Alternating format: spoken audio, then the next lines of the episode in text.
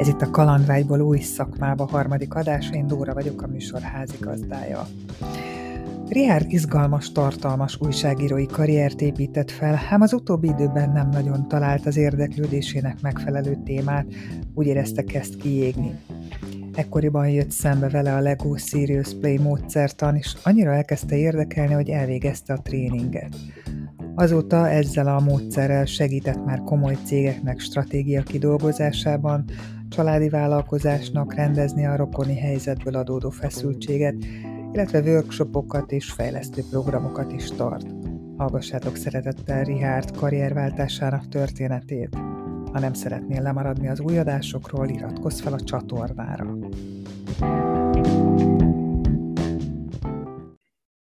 Lavaj Rihárd vagyok, újságíró, kíváncsi, vitorlázó, Lego Serious Play tréner és facilitátor, 55 éves vagyok, bölcsész.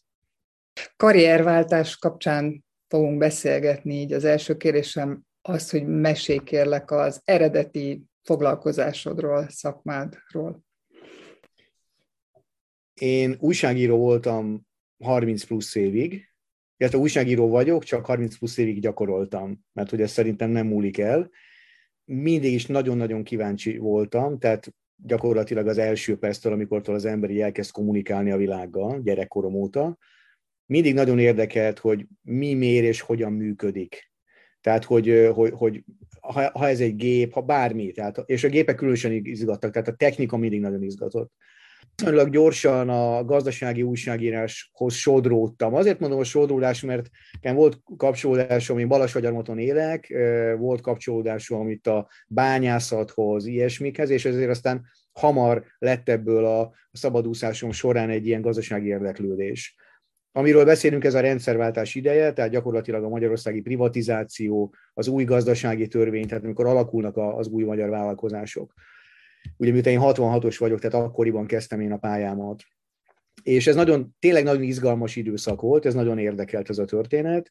Nagyon korán megjelent az én pályámban a rádiózás, 89-től 93-ig a Szabad Európa Rádió egyik munkatársa voltam Magyarországon, ez már a legális időszak, de mégis nagyon izgalmas volt. Tehát például a taxiklokádot Szabad Európa Rádiósként csináltam végig, nagyon büszke vagyok meg hát egyáltalán tulajdonképpen mindenre, amit, amit csináltam, tényleg büszke vagyok rá, tök jó helyeken dolgozhattam. Nagyon-nagyon hosszú és fontos időszak volt az életemben a világgazdaság, a zöld ez még a régi-régi zöld ahol munkatársként kezdtem, aztán vezettem a vállalati rovatot, mind a kettőt nagyon szerettem csinálni, és aztán viszonylag gyorsan az energetika lett az én fő szakterületem, tehát a magyarországi energiapar privatizációja, piacnyitás, ez gyakorlatilag végigkísértem újságíróként, és tulajdonképpen ebben az ágazatban vagyok újságíróként talán a leginkább otthon. Aztán nagyon fontos volt az Inforádió, szinte az alapításától kezdve, ugye 2000-ben indult a rádió, 2001 tavaszán én csatlakoztam oda gazdasági rovatvezetőként. Ez egy nagyon-nagyon meghatározó dolog volt a számomra. A rádiózás az egy nagy szerelem, mindig is az volt. Tehát az első perctől kezdve, hogy egy rádiós anyagot készítettem, és hát igazából 2018-ig tulajdonképpen megszakítás nélkül az Inforádiónál dolgoztam, különböző posztokon, az utolsó nyolc évben szerkesztő műsorvezetőként. Az Aréna című műsorban és a Reggel Infóban, a reggeli műsorban. És volt még egy nagyon fontos rész, ezt semmiképpen nem szeretném kihagyni, a Martin József vezette figyelőnél három év. Nekem szerencsém volt pont, amikor ott voltam velük, akkor Pulitzer emlékdíjat kapott, tehát a figyelő is és az Inforádió is. Talán egy pici szerepem nekem is volt ebben, és mindegyik nagyon-nagyon jó csapat volt, a volt alatt azt értem, hogy amikor dolgoztam velük, tehát számomra ez már múlt időm. Aztán 2018-ban hűtlen lettem mégiscsak az újságíráshoz, az aktív újságíráshoz, és akkor így, így elindult az én karrierváltásom 52 évesen még a felvétel előtti beszélgetésben is azt éreztem, hogy hihetetlen lelkesedéssel beszélsz az újságírói karrieredről, és hát most az elmúlt percekben is ezt tetted. És egy fantasztikus karriert vázoltál fel, úgyhogy még inkább érdekel, hogy miért volt ez a karrierváltás, mi hozta ezt az életedbe. Hát azt nem tudom, hogy mennyire volt fantasztikus az újságírói karrierem. Nekem mindenképpen az volt, tehát én imádtam. Azért azt hozzá kell tenni, hogy ez egy nagyon-nagyon izgalmas időszak volt. Tehát 1990-től nagyjából 2018-ig beszélünk erről az időszakról, de azért ha már izgalom, egy mondattal még kacsatoljak vissza, hogy én 85-ben kezdtem Salgótarjánban, tehát én azért pontosan megéltem még azt is, amit aztán 90-ben magunk mögött hagytunk, és magunk mögött akartunk hagyni. Tanultad az újságírást, vagy belesodródtál, lehetőség adódott, és belekerültél?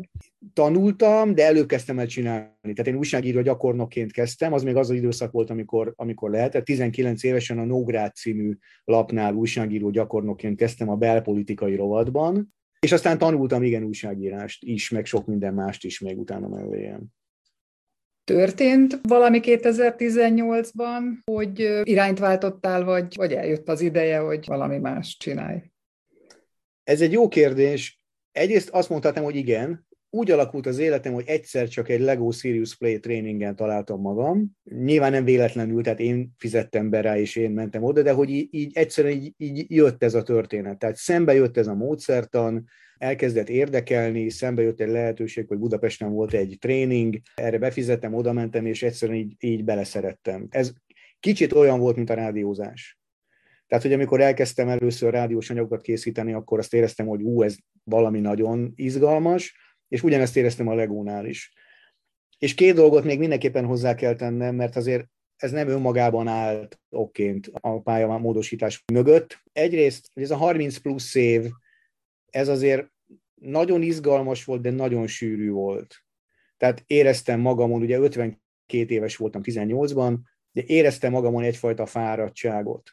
Megjelent ez a fáradtság, ami nyilván betudható ennek a 30 plusz évnek, és egy picit úgy éreztem, hogy egy ilyen helyben járás kezd jellemző lenni. Nem csak a magyar gazdaságra, hanem, hanem az európaira. És úgy éreztem, hogy persze vannak változások, változnak az energiaárak, meg nyersanyagárak, meg árfolyamok, meg ilyesmik, de hogy így igazából úgy nem nagyon találjuk az utat, és nem nagyon találtam olyan sztorit, olyan történést, ami így igazából így nagyon izgalomban tartott volna. És van még egy fontos ok, nem szerettem volna az lenni a szerkesztőségben, ez az Inforádió, ahol nagyon-nagyon szerettem dolgozni, ahol egyszer csak majd összesúgnak a hátam mögött a fiatal riporterek és műsorvezetők, hogy van itt egy ember, aki emlékeztet egy valamikori egészen jó műsorvezetőre, de lehet, hogy már nem kéne ezt csinálnia. Én azt gondolom, hogy pont így jó volt. Azt hiszem, hogy kihoztunk egymásból mindent, én és a rádiózás, az inforádiózás, amit lehetett. És tök békében elváltunk egymástól. És akkor én így fejest ugrottam ebbe a teljesen más világba. És akkor ezzel párhuzamosan elkezdted ezt a új képzést. Hát ugye ez egy, ez egy viszonylag rövid tréning, a Lego Serious Play, ez egy nagyon rövid, tömény tréning volt, az egy hét volt. Be kell valam őszintén, hogy igazából fogalma se volt, hogy hogyan kéne ezt elkezdeni. Én nagyon sokáig voltam szabadúszó újságíróként, tehát azt tudtam, hogy hogy működik, tehát hogy ez, ez megvolt ez az érzés. Én nem dolgoztam előtte trénerként, facilitátorként. Igazából ez az egész pálya nagyon ismeretlen volt, de nagyon erősen vonzott. Tehát azt éreztem, hogy itt nekem van valami dolgom, motivál, tehát tök jó lenne ezt csinálni. Akkoriban voltak már Magyarországon, akiknek volt ilyen képzettsége, és az egyikük azt nyilatkozta egy helyen, hogy ebből igazából Magyarországon nem lehet megélni. És akkor így a barátaim szokták kérdezni, hogy jó, de hát akkor miért? És mondtam, hogy hát ez így valahogy elkerült a figyelmemet, ez a mondat így, hogy, hogy ez így ebből nem lehet. De tényleg, tehát én azt éreztem, hogy ebben sok minden van. Ez a játék, ez valami hihetetlen varázslatos. Tehát ez a módszertan, ami a játékra épül, ez nagyon erős. És akkor én egy-két hónap után elkezdtem teljes erővel tulajdonképpen csak ezt építeni, ezt a részét az én pályámnak, vagy ezt a szakaszát az én életemnek. Mesélj kérlek erről egy kicsit, mert ugye a Lego ez egy építő játék gyerekeknek, de hogyan kerül egy felnőtt ember elközelébe? Hát próbálok kicsit mesélni róla, ami azt jelenti, hogy órákon át tudnék. Szóval ezt a módszertant a Lego cég a saját maga üzleti problémáinak a megoldására fejlesztette ki, csiszolta és, és fényesítette. 96 óta ez egy elérhető mindenki számára, tehát egészen addig csak ő használta. Tulajdonképpen ez a felfedező tanulásra épül, ez még mindig nagyon rejtélyes. Mondok két talán egyszerű dolgot, ami kicsit közelebb hozza a hallgatókhoz. Egyrészt a flow elmélet van mögötte, itt is meg kell emlékeznünk Csíkszer Mihály Mihályról, aki ugye néhány napja távozott közülünk, de az egyik nagyon komoly tudományos alapja az a flow elmélet, ahogyan ez működik, tehát ahogyan a flow hat a az egyes emberre és a szervezetekre is, a csapatokra. A másik az, és azzal most így nagyon részletében nem mutatnám a hallgatókat, van nagyon sok neuroscience alapja is a dolognak. Tehát ahogy a és gondolkodása, a mikromotoros képességek hatnak egymásra.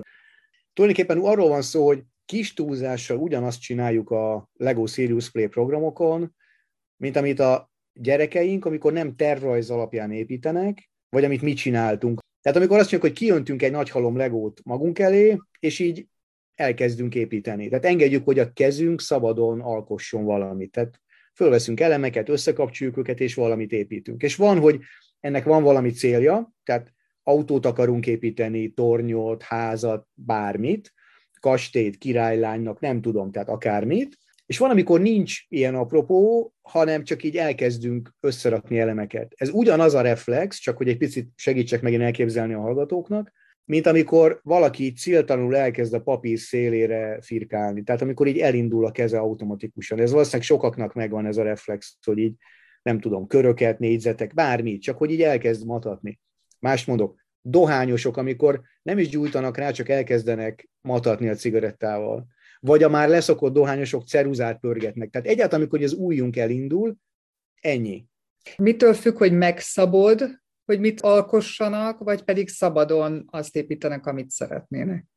Hát azért, amikor dolgozunk egy konkrét témán, tehát mondjuk egy csapattal, szervezettel, vezetőkkel, akkor azért általában megszabjuk, hogy mit építsenek, de ez mindig valami, ami egy vizuális szimbólumot kíván. Tehát építünk persze néha konkrét dolgokat is, tehát ház, torony, autó, repülő, ilyesmi, ez a bemelegítés általában, mindig azt szoktam mondani a résztvevőknek, hogy van egy rossz hírem innentől kezdve, most már csak olyanokat építünk, hogy motiváció, kihívás, személyes erősségek, mi a termék problémája, mi a piaci nehézség. Ez ilyen nagyon elvonta hangzik. Nyilván a kérdések szofisztikáltabbak ennél. Tehát az a lényeg, hogy mindig van egyfajta hívó kérdés, amikor elkezdünk építeni, csak válaszolva a kérdésedre. Ez egyfajta cím, ha úgy tetszik, hogy, hogy annak a modellnek, vagy annak a vizuális metaforának, amit így építünk, annak körülbelül mi a címe, miről kellene szólnia. És aztán segítünk ezt megvalósítani, és aztán beszélgetünk róla. Nagyjából ez a menete, nagyon leegyszerűsítve egy ilyen programnak.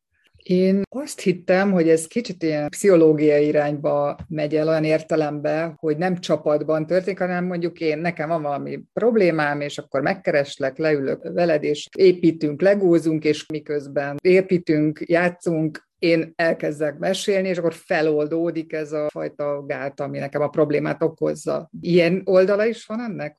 Tökéletesen jól leírtad az egyik felhasználását, ezt nagyon sokan használják egyéni coachingban is, üzleti, vezetői coachingban is, live coachingban is, ezt a módszert, mert, mert amit mondtál, hogy elkezdek építeni, és feloldódik, ez az egyik kulcsa a dolognak. Itt jön vissza egy picit a flow elmélet ugyanaz a játék, amikor, ha visszagondolnak mondjuk a fiatalabb hallgatóink, akiknek tényleg volt gyerekkorunkban legújjuk, vagy akiknek nem volt a gyerekeikre gondolnak, amikor így teljesen belefeledkeznek az építésbe, a játékba, hogy semmi nincs, megszűnik minden a külvilág, és csak ez van. Ez a feloldódás például, ha te eljössz hozzám, mert neked van valamilyen személyes problémád, akkor nyilván segít ezt feldolgozni. Ugye nagyon fontos, hogy én nem vagyok pszichológus.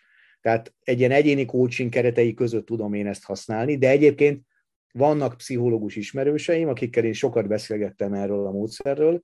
Van, aki egy-két gyakorlatot így elkért, vagy így átvett, hiszen ez kicsit ugyanaz, mint amikor a pszichológus köveket rak le, vagy bármilyen eszközt, ezt tudjuk, hogy mondjuk a szociális atomot, mikor ki kell rakni egy lapra, akkor is eszközöket használunk. Tehát jól gondolom, ez a játék, a modellezés, az segít feloldani ezeket a, ezeket a gátakat. És egyébként ez akkor is működik, amikor csapatban dolgozunk. Tehát amikor mondjuk egy ötfős 10 fős, 300 fős, ez mindegyik valós létszámunkban ezt mi csináljuk egyébként, akkor én mindig azt szoktam mondani a résztvevőknek, hogy miközben közösen oldanak meg feladatokat, építenek és mesélnek, közben erősen figyeljenek arra, hogy mik az érzéseik mi történik bennük. Ugyanis a játék, és egyébként ez a gyerekeinkkel is így van, csak talán nem mindig kérdezzük meg őket erről, vagy nem mindig beszélnek róla szívesen, a játék az mindig nagyon önreflektív, gyerekkorban is, és felnőtt korban is. És egyébként nincs különbség, tehát ez ugyanaz a játék. Az egyik első programon egy, egy szállodai vezérkarral dolgoztam, akik között volt néhány résztvevő, akik nagyon-nagyon ellenezték és szkeptikusok voltak. Tehát úgy jött be az egyikük a, a terembe, ahol ott volt a Lego kirakva, hogy főnök, úgy ezt nem gondolod komolyan. aztán utána feloldódtak a gátak, amiket te is mondtál, és aztán a nap végén mondtam nekik, hogy ez ugyanaz a játék, amit a gyerekeik, unokáik játszanak. Mert a játék csak egyfajta van, és ez bennünk van, és igen, ez nagyon erős reflexiókat tud kiváltani. Fel tudod idézni az első foglalkozást? Igen, fel, és nagyon-nagyon hálás vagyok neki, és azóta beszéltünk, és mondtam, hogy jövök neki egy rendes programmal. Hiszen nyilván az első nem tudom, kenyér az első, frizura az első, hajvágás, nem tudom, hát ez az első. És tényleg nagyon hálás vagyok neki. Ez egy családi tulajdonban lévő cég, ahol volt egy pici generációváltási probléma, strukturális problémák voltak, kommunikációs problémák voltak. És ez egy egynapos program volt, nagyon élvezték, nagyon jó eredmények lettek. Emlékszem, hogy milyen jól kirajzolódtak a generációs problémák, hogy például a tulajdonosi körben, a különböző megközelítéseknél hol van az ütközőpont. Tehát, hogy a gyerekek mi az, amit nagyon másként látnak, mint a, mint a szülők, akik a céget alapították. Tehát, hogy például ebben, ebben a mai napig sokszor használjuk ezt a programot, mert ebben nagyon jó tud lenni, hogy megértsék egymást. Ugye sokszor van ez így családban is, meg hát nyilván egy családi cégben is, hogy hát nem értjük a gyerekeinket. Tehát a mi gyerekeink, miért nem értjük, amit mondanak? Ők se értik, amit mi mondunk, tehát miért nem?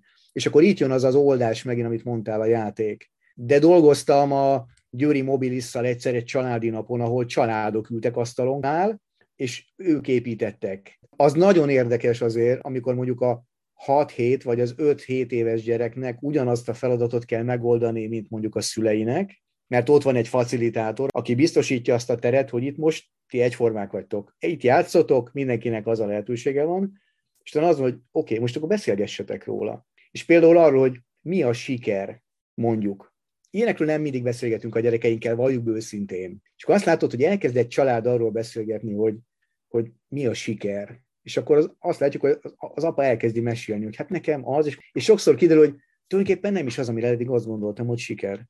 Mert hogy így, amikor őszintén el kell kezdenem mondani, akkor más gondolok, mint amit sokszor a társadalmi konvenciók, vagy a szervezeti konvenció, vagy a munkahelyem így elvár tőlem, hogy hát mondjam azt. Ez egy nagyon fontos erősség ennek a módszernek, hogy rendkívül erősen tudja a bizalmat építeni. Ha család, család, ha munkahely, munkahely, ha vezetők, vezetők, ha egy ügy, akkor az ügyel kapcsolatban. Mit gondolsz ebben, hogy te ezt sikeresen csinálod? Van szerepe annak, hogy te korábban újságíró voltál? Egy bizonyos részében egészen biztos. Tehát ugye azért 30 plusz év gazdasági újságírással nagyon-nagyon sokféle és nagyon különböző generációs gazdasági vezetőkkel voltam kapcsolatban. Kicsit azt mondhatom, hogy így értek vezetőül, tehát hogy így értem az ő nyelvüket, a, talán a gondolkodásmódjukat.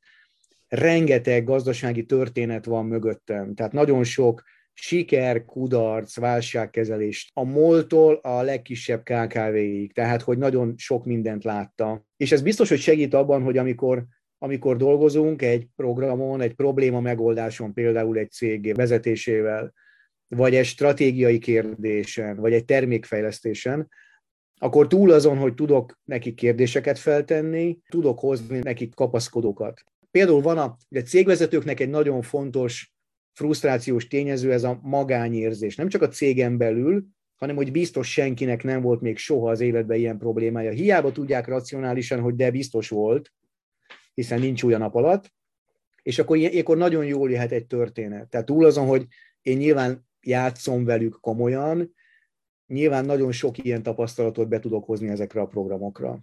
Mesélj arról kérlek, hogy mit szólt a család akkor, amikor te bejelentetted, hogy vége az újságírásnak, és más az irány?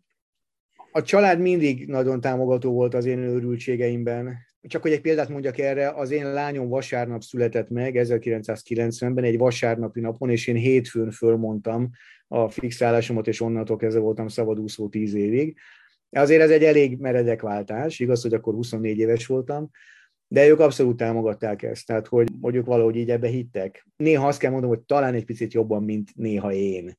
Mert abban az értelemben nem volt egy egyszerű történet, hogy azért ez Magyarországon egy nagyon sok minden miatt egy ilyen vizuális, emocionális, önreflektív módszerrel így elindulni, az, az nem, nem egy egyszerű történet. Aki erre így rátett mindent egy lapra, azt hiszem, hogy nincs más. szerencsére nagyon-nagyon jó és szuper csapatot sikerült így magam köré szervezni, akik, akik meg szintén így jöttek velem. Tehát, hogy így ők ezt így elhitték, hogy ez jó lesz. Van-e valami tanácsod azoknak, akik mostanában fontolgatják a karrierváltást? Két nagyon rövid, aztán mondok még hozzá három mondatot.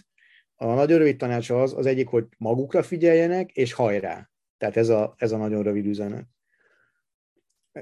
Én vitorlázom, ez egy nagyon fontos része az én életemnek, egy kicsi kétszemélyes hajóval vitorlázom a Velencei tavon, ha éppen van benne víz, ha nincs, akkor a Balatonon. És az a helyzet, hogy a, akitől én tanultam, annak van egy mondása, hogy akkor kell reffelni, vagyis csökkenteni a vitorla felületet, amikor eszedbe jut. Úgyhogy szerintem ez itt is igaz, amikor így nagyon erősen eszedbe jut, hogy váltani kellene, akkor váltani kell.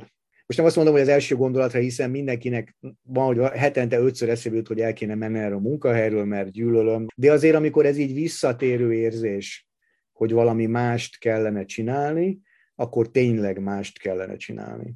Van egy érdekes tendencia, én nem tudom, hogy neked feltűnt-e, de azt gondolom, hogy ez így tökre látható, hogyha az ember végignéz mondjuk a Facebook ismerősei körében, hogy nagyon-nagyon sokan váltanak mondjuk szellemi munkáról, vagy irodai munkáról, vagy administratív munkáról, vagy akár vezetői munkáról, de mindenképpen valami irodában történő munkáról, valamilyen kézműves jellegű dologra. Pékséget nyitnak, cukrászatot, virágkötőműhelyt, agyagoznak, sajtkész, tehát valamit. És emögött valószínűleg az van, én azt gondolom, próbáltam egy utána olvasni, és szól emellett, az elmélet mellett némi szakirodalom, de ha egy picit belegondolunk, akkor tulajdonképpen a kezünk az igazából azért ilyen, hogy valamit csináljunk vele. És a valamit csinálni alatt nem azt értem, hogy írjunk egy dokumentumot, vagy egy Excel táblát, hanem hogy hozzunk létre valamit. És ez igazából nincs jelen a nagyvárosi ember életében. Három hete összefutottam egy emberrel, akinek menő ingatlan kereskedése volt, nem a legnagyobb, de ilyen menő sok pénz, nagy autók, nagy házak, és nem tudom, egy fél éve egy kis nógrádi faluban csirkéket tart, meg állatot nevel, és akkor így kimegy, és az ingatlan kereskedés megy egyébként, tehát nyilván megvan ez a fajta biztonság, de ő személy szerint már nem akar ezzel foglalkozni. Elvesztettük ezzel a kapcsolatot, és olyan elementáris igény van erre, hogy valamit létrehozzunk, hogy nagyon sok ilyen történetből egyébként komoly siker is lesz. Tehát, ha így nyilván mindenki tud mondani a környezetében olyan pékséget, akinek a vezetője korábban, nem tudom, kommunikációs vezető volt, Nekem konkrétan van egy ilyen nagyon kedves ismerősöm, aki egy nagyon menő Budapest környéki pékséget csinál ma már, ő viszonylag az elején váltott. És ezt érdemes megfontolni. Tehát amikor így megjelenik ez, hogy, hogy ez az iroda, ez már kevés, ez most már így nem motivál, mert igazából nem, nem ad semmit már energiában. És nagyon álszentnek fog tűnni, de azért vállalom. A, a, a pénzcsinálás az nem alkotás. És persze lehet motiválni embertársakat, kollégákat pénzzel, tehát azzal, hogy, hogy céges autóval. Ez, nyilván ez, ez fontos, nem akarok álszent lenni, ebből meg kell élni. De ennek van egy határa. Tehát nem hiszem, hogy az, aki most úgy döntött, hogy holnaptól pék lesz, vagy virágkötő, ha azt mondanák neki, hogy e, rádobunk még egy 300 ezer forintot a fizetésedre, akkor azt mondaná, hogy jó maradok.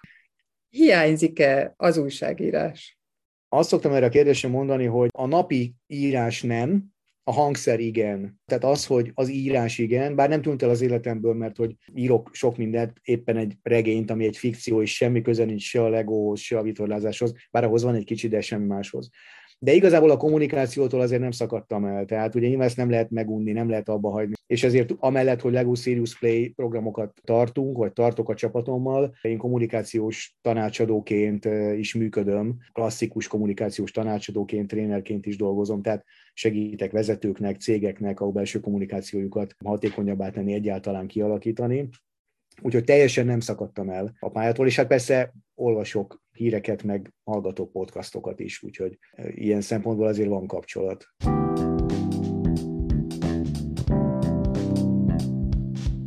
Köszönöm, hogy meghallgattad Rihár történetét, remélem tetszett a beszélgetés.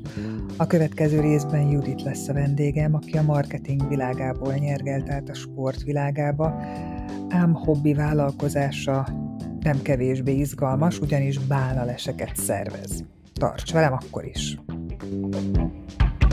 thank you